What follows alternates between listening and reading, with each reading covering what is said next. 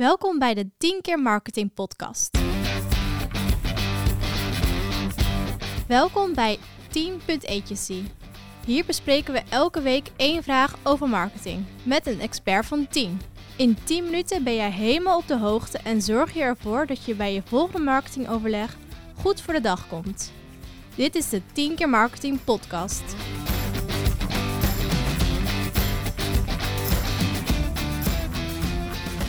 Vandaag gaan we het hebben over archetypes. Welkom met je. Yes. En de vraag is die we hebben gekregen: hoe kan ik mijn communicatiestijl aanpassen met de archetypes van Jung?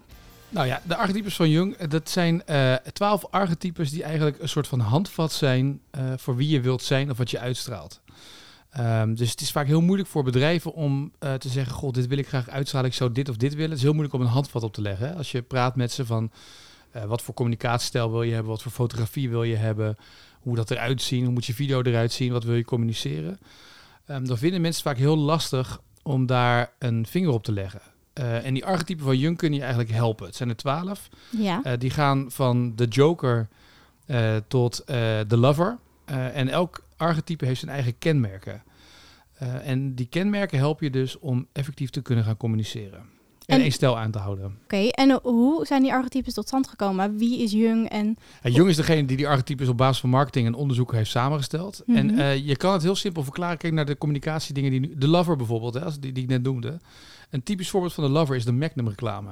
Of die uh, J'adore parfumetjes. Ja. Dat zit heel erg op het, het gevoel, het romantische gevoel. Dit is wat we hebben, dat je, wat je wilt hebben. Het is een heel ander karakteristiek dan bijvoorbeeld de Joker. Dat is Ben Jerry's ice cream.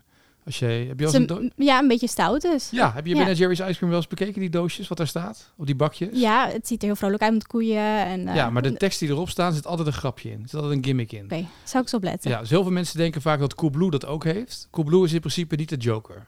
Coolblue is de uitdager eigenlijk in, in dit soort, in dit soort marketingtermen. Mm -hmm. Het zijn dus partij die aanvalt, die wil de grootste worden. Die gaan, gaan bol.com aanvallen of Amazon aanvallen, bij wijze van spreken. Dus je hebt een hele andere manier van communiceren. Um, en zo... Uh, door, door, kijk, als je het, uh, je wil je bedrijf neerzetten en dat is knetter moeilijk, want je kan wel zeggen, ja, ik vind dit fijn of dat fijn, maar om dat helemaal door te trekken binnen alle communicatie in je bedrijf is het allermoeilijkste wat er is. En dan kan zo'n uh, Jung kan een handvat bieden, een van die archetypes, om alles langs te leggen. En kan je er elk moment mee beginnen? Of is het belangrijk dat je vanaf het begin dan zo'n ja, Nou nee, je, zeker. Je kan er zeker elk moment mee beginnen. Sterker nog, het kan je ook wel eens helpen om gewoon eens te kijken naar die archetypen en te kijken wat communiceren wij nou? Hoe zitten we nu op dit moment in elkaar? Wat doen we eigenlijk? Mm -hmm. En is dat ook wie je wilt zijn? Dus we hebben hier mensen over de vloer gehad en die communiceerden uh, met hun bedrijf. Dat was een bedrijf in koffie. Uh, en dat waren de, die waren de wijzen. Uh, die wisten werkelijk waar alles van koffie. Dus als je met hun sprak, dan wisten ze welke bonen ze moesten hebben in het bos van die koffieboer. Want de een is Fairtrade en de ander is uh, waar ze meer geld aan verdienen. En het derde bos, dat is eigenlijk specialiteitenbos, dat wilden ze hebben.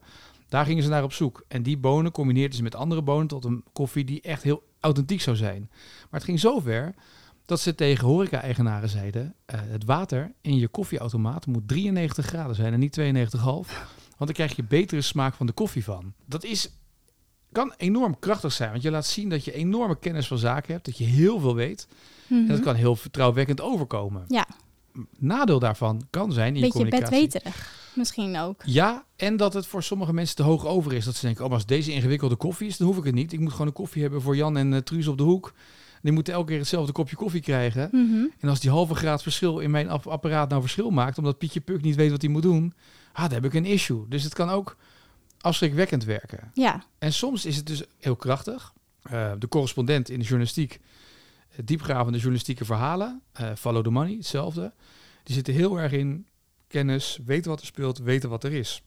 De speld zit heel erg op de joker, op de humorkant. Dus het kan heel erg helpen, wie ben ik, maar ook wat wil ik zijn uiteindelijk. Wil je zijn wie je bent? Wil je die -hmm. wijze zijn? Is dat je kracht? Is prima. Maar wil je een iets breder publiek aanspreken of iets meer laagdrempelige horeca binnenkomen, dan zou je misschien erover na kunnen denken om je communicatiestijl iets aan te passen. En hoe bepaal je uiteindelijk ja, welk archetype je kiest?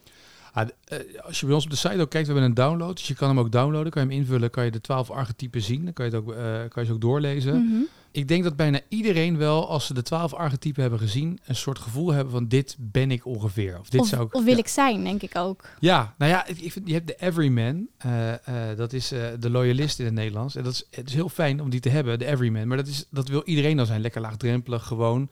Maar waarin ben je dan onderscheidend? Ja. Dat is de interessante.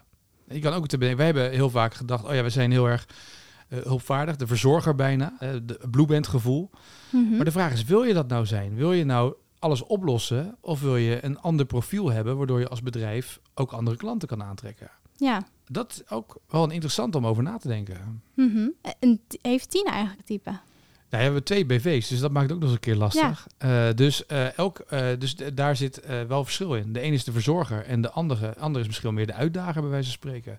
Dus je Mhm. kan daar best wel per tijdsbeeld mee variëren. Als je nou in een jaar of twee. Het, het is ook een beetje waar zit je bedrijf, hè? Ehm, dus als je, zoals Coolblue... Eerst is Coolblue de uitdager. Dus je Mhm. gaat dan strijden tegen de grootmachten. Maar er komt een moment dat je de grootste bent. De heerser, ook een van de, van de archetypen. Vraag- Apple misschien, de, he- de ja, heerser. Mercedes-Benz ook, de heerser. Weet je, Mhm. heel erg vanuit degelijkheid bepaalde vastigheden zitten. En dan is de vraag, als je de heerser bent, word je dus aan de onderkant aangevallen. Dat betekent dat je een andere manier moet gaan communiceren. Weet je, dan gaat het om betrouwbaarheid. Wij zijn er. Het maakt iets heel anders Ja. Mhm. in je los. Maar het werkt wel. Ja, het, het, nou, het werkt in ieder geval om een bepaalde lijn te hebben. Wat je vaak ziet is dat heel veel bedrijven, als wij met ze aan de slag gaan ook, eh, dat ze wel van alles communiceren. Maar de vraag is een beetje, als je van alles communiceert, wat wil je nou uitstralen? En, en dat helder hebben, eh, en dat geldt dus ook voor fotografie. Hè? Want voor de lover heb je zelf al een heel ander beeld bij qua fotografie, denk ik, dan van de heerser in je hoofd. Ja, ja, Ja. ja. Dat geldt dus ook voor de fotografie die je op je website hebt. Want dat moet ook in lijn zijn. Mhm. En in de tekst geldt hetzelfde voor. Want in de lover ga ik je verleiden om mijn merk mooi en lekker te vinden. Maar als ik de heerser ben, dan ga ik uit van kijk, ze doen dit al twintig jaar. Kijk hoe goed we zijn en dit zijn onze resultaten en zie wat er gebeurt. En dat is een hele andere tone of voice die je dan uitstraalt. Mhm. Terwijl, eh nou ja, vergelijkt in de, in de uitzendwereld, je hebt Randstad, dat was natuurlijk de heerser en is nog wel de heerser op basis van het aantal vestigingen. Maar Young Capital komt daar onderdoor zetten met een hele andere campagne, puur om te laten zien wij zijn anders. Nou, Ja. Dat maakt het wel interessant om te zien waar ga ik heen? Ben ik de strijder of ben ik de heerser? Dat zijn boeiende ehm, dingen om met elkaar te bespreken, want het geeft ook wel gezamenlijk een lijn waar je heen wilt. Ja, e- en zijn er meer archetypes dan die twaalf? Want ik kan me voorstellen, er zijn zoveel karakters in de wereld. Ja, nee, maar het zijn er twaalf. Want dat maakt ook, als we te veel doen, dan wordt het ook te ingewikkeld. Hè? Dus die twaalf omvatten wel bijna alles. Mhm. Ehm, en je kan deze trouwens ook wel gebruiken voor je interne communicatie, ook weer apart dan voor je externe communicatie. Hè? Dat je ook weer een andere vorm Ja. kiest. Nou ja, zeker nu in deze tijd, waarin je eigenlijk eh, waarin eh, personeel binnenhalen en binnenhouden al een fikse uitdaging is. Ehm, dan is het best wel interessant om te kijken, oké, welk archetype moeten wij nu benutten intern om mensen binnen te houden? Dat Mhm. vraagt misschien wel iets heel anders dan de heerser. Ja, Voor dat- mijn beeld dat- krijg je dan gelijk je van bovenaf zegt, het moet zo, zo doen we het en er is geen andere weg. Niet echt vriendelijk naar het personeel toe. Nee, dat, Nee. maar dat is inderdaad wat de heerser dan doet, zeg maar. Maar het kan ook laten zien, we zijn al twintig jaar betrouwbaar, mensen werken hier graag. En we zijn een betrouwbare partij waar, je, eh, waar iedereen graag wil werken. De, het hangt er heel erg vanaf. Wat er nodig is ook weer. Cella Tonky Vella muziek in dit geval. Maar dat is wel een beetje waar je, waar je naar kan kijken en wat je kan bedenken in dit soort zaken. Mhm. Dus het is, het is niet de heilige graal, hè, voor de duidelijkheid. Maar het is wel een heel handig hulpmiddel als wij met bedrijven zitten. Wie ben je? En straal je dat nu uit op je site? En straal je dat nu uit in je communicatie? Nee, oké. Is het ook wie je wilt zijn? Ja, nou dan kan je daarop gaan voortborduren. En dat maakt het ook voor ons uiteindelijk makkelijker om te schrijven, content te maken, fotografie uit te kiezen. Want het is wat makkelijker als je weet wat je wilt uitstralen. Ja, en om het ook weer aan andere mensen te vertellen. Ja, en uiteindelijk Ja. is communicatie één lijn uitstralen. Als jij de ene dag linksom gaat en de andere dag rechtsom en weer twee dagen later weer rechtdoor gaat, dan weet niemand eigenlijk meer wat ze nou aan je hebben. Nee. Nee, maar ik kan me ook voorstellen dat je ook wel wil veranderen op een gegeven moment. Dat je niet altijd de lover bent. Dat je, dat Nee. je Nee, nee, om dat- het jaar misschien wisselt. Ja, dat, dat zeg ik. Zit ook een beetje in welke fase je zit. Weet je, je groeit natuurlijk, wat ik zei, eh, als Coolblue begint en ze zijn de strijder en ze, ze groeien door en ze zijn de grootste, ze zijn de heerser. Dan zal je dus op een gegeven moment zal je iets anders moeten gaan doen. Ja. om een twee nieuwe vorm van communicatie neer te zetten.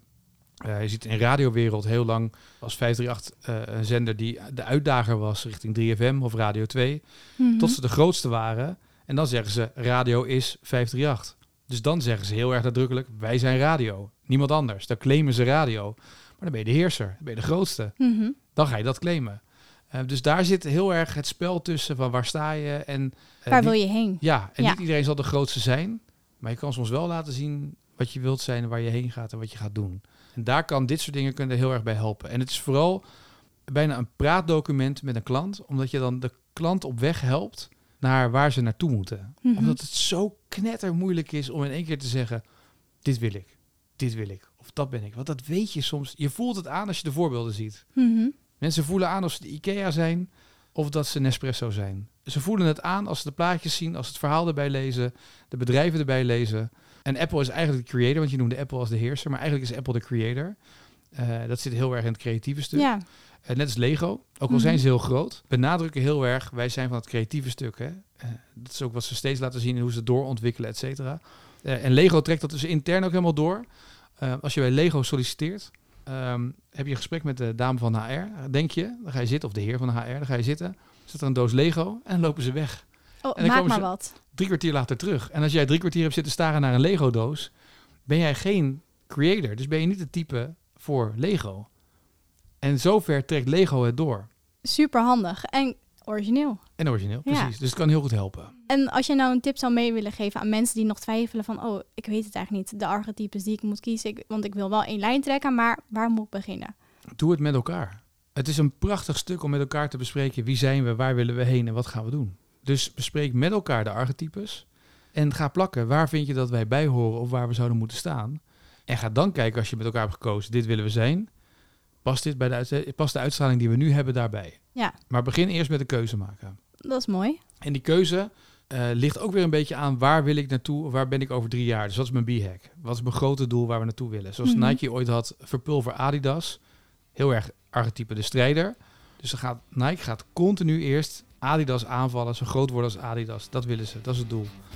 Dat vraagt dus in alles, zeg maar, dus de B-hack dus wordt heel makkelijk ook het doel voor de komende jaren, wordt dan heel makkelijk eh, gekoppeld aan. Hm. Dus als je geen B-hack hebt, is dat heel handig om die te hebben, want het is een doel voor de komende drie jaar met je bedrijf aan te werken. Koppel dat aan een archetype, dan heb je gelijk Het is echt als hulpmiddel. Ja, dat is een basis om dat samen te kunnen koppelen en daarvan uit je communicatie te kunnen regelen. Zonder strategie geen communicatie. nee, precies. Leuk om te horen. Dit was jouw 10 minuten vol nieuwe marketinginzicht voor deze week. Bedankt Etienne. Graag gedaan. En jij bedankt voor het luisteren. Succes met je nieuwe inzichten uit deze 10 voor marketing.